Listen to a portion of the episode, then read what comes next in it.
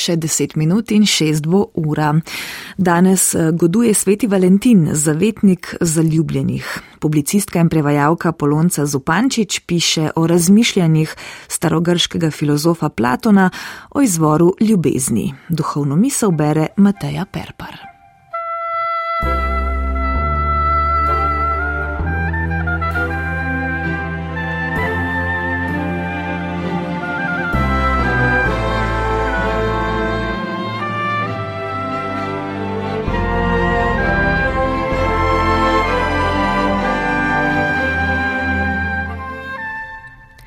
Platonovo delo Simpozij je mnogoplasten in izjemno poduhovljen pogovor o naravi ene najstarejših sil v svetu - ljubezni.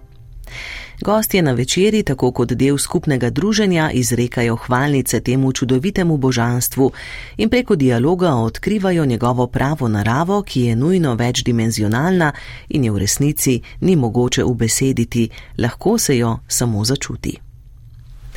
Del Sokratove hvalnice Erosu, bogu ljubezni, je tudi zgodba svečenice Diotime o rojstvu Boga, ki jo poda v obliki naslednje prispodobe.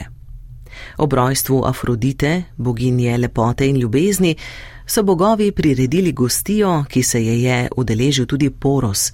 Njegovo ime ni zanemrljivo, saj pomeni pot, prehod oziroma sredstvo, ki omogoča preobrazbo.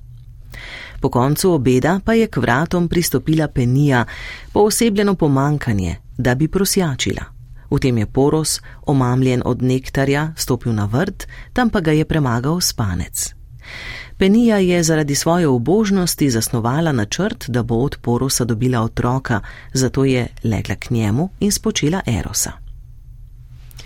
Diotima na ta način razlaga dvojno naravo ljubezni in pravi: Zato je Eros postal Afroditin spremljevalec in služabnik, ker je bil namreč spočet na njen rojstni dan in je obenem po naravi ljubitelj lepega, torej Afrodite, ki je lepa. V naravi ljubezni je biti obkrožen z lepim in porajati lepo, kar so Grki istovetili tudi z dobrim.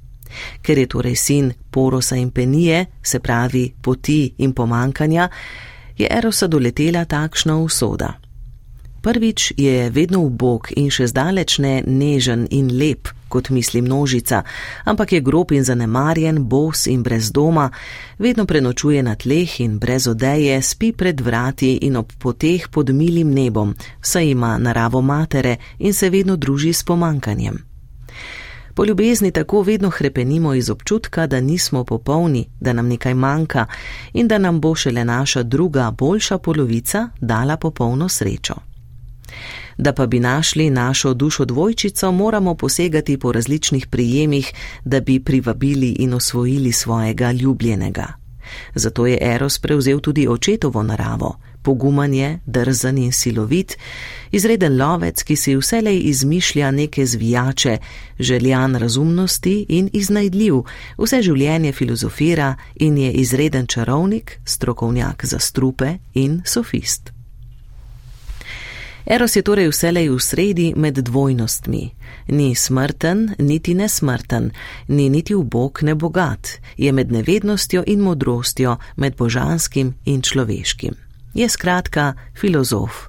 Modrost namreč sodi med najlepše reči, Eros pa je ljubezen do lepega, tako da je Eros nujno filozof. In ker je filozof, je nujno vmes med modrecem in nevednim. Temu je vzrok njegov rod, saj je sin modrega in premožnega očeta ter nemodre in uboge matere. Tako zaključi svojo pripoved Diotima, preko nje pa nas Platon spodbuja k premišljevanju in občutenju te božanske sile ljubezni.